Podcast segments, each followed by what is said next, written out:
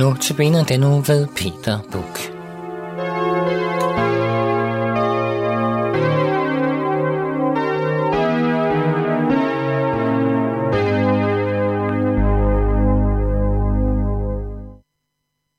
Så er vi kommet til pinsedag i ja, den her fortælling. Nu er der har lige, der har lige været pinse, Øh, men jeg valgte så at tage de her store øh, fortællefester i kristendom, altså jul, påske og pinse. Jul har jeg ikke sagt så meget med, men vi har lige haft påsken, og fra påsken kommer så øh, Kristi Himmelfart, og vi har stor bededag i midten, og så pinsen der, øh, hvor vi hører om, om, om det, det voldsomt, der skete i passionshistorien om Jesu opstandelse, og, og det er værd at holde fast ved. Og det står i trosbekendelsen meget massivt. Det fylder godt i trosbekendelsen Jesu korsdød, hans opstandelse, og det, der skete bagefter Kristi Himmelfart. Og så kommer pinsen, som er helt, øh, helt sin egen artikel. Øh, vi tror på Helligånden, og øh, peger frem mod, mod øh, den verden, som kommer i troen på, øh, på Gud. Pinsedag Pinse kommer af ordet pentekost, som betyder 50. Og øh, det er festen syv uger efter påsken.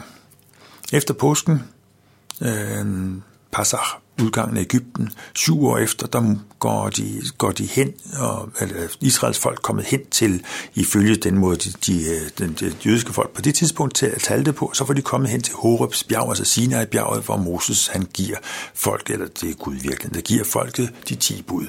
Og det blev fejret ved, ved den her øh, øh, syv ugers festdag. 7 gange 7 er 49, og det er altså på den 50. 20. dag.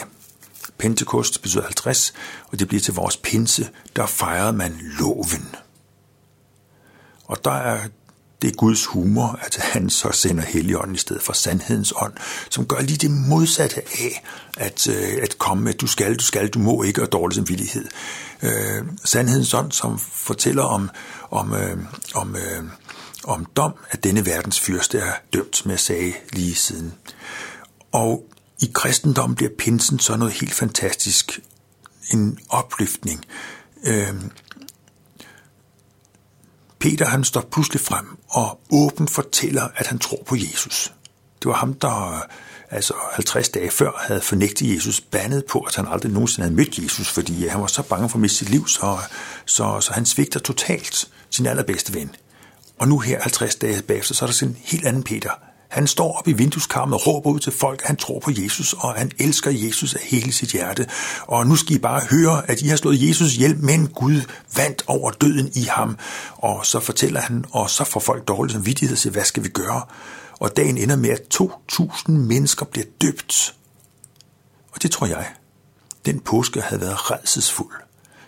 En hel masse mennesker har råbt, at de ville have Jesus korsfæstet. Ham, som havde gjort godt. Og øh, det vil sige, den verden, som de, som de stod for, var blevet til. Altså, de, havde, de havde jo korsfæstet en god mand, og nu havde de dårlig samvittighed, og vidste ikke, hvad de skulle gøre. Og så siger Peter, omvend jer og bliv døbt. Så er det helt forbi, så har lagt synden bagved og ikke får lov til at gå fremad.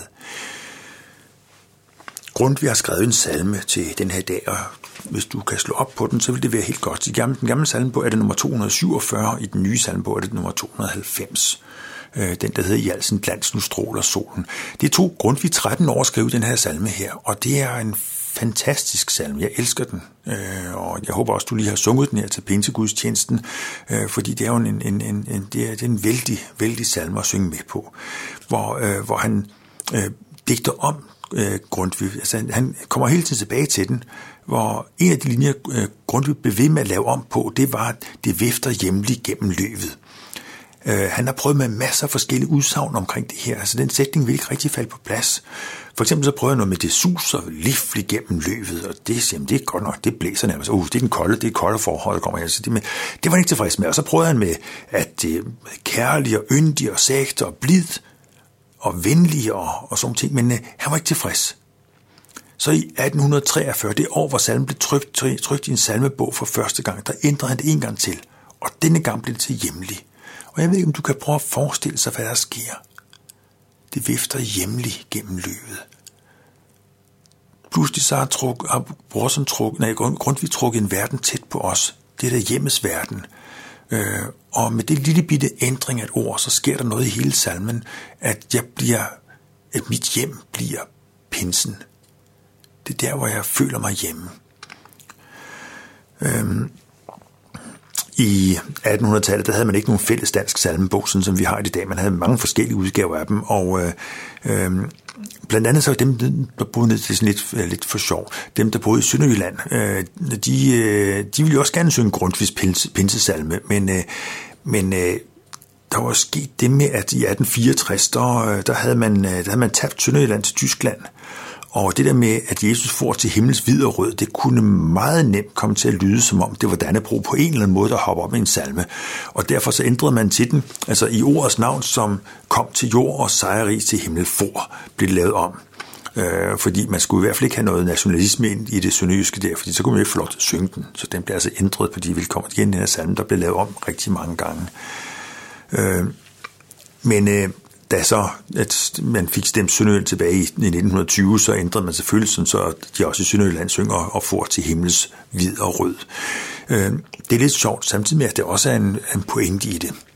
Øh, legenden om Dannebro er jo, at man står ved at tabe, og så pludselig så kommer Dannebro ned fra himlen som et tegn, og så vinder danskerne. Det er kong Valdemar og, og, øh, og øh, hans øh, vældige hære, som der slås øh, og, og vinder over, øh, over de ugudelige i, øh, i øh, øh, langt væk fra Danmark. Øh, i den her salme, der er det modsat. Det er jo ikke, det er, jo, det er noget, der får til himmels, og ikke, ikke, ikke kom ned fra himlen. Det er den modsatte vej. Og får til himmels videre rød, det, det er den modsatte effekt.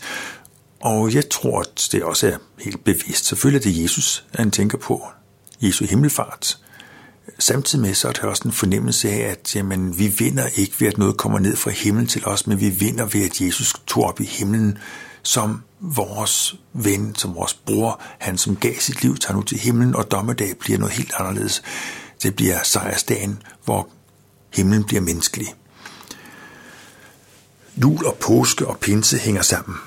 Og øh, når man ser, synger Grundtvigs salme, så er der jo masser af engle, både til, øh, til juleaften, øh, øh, velkommen igen Guds engle små, der det vimler med engle.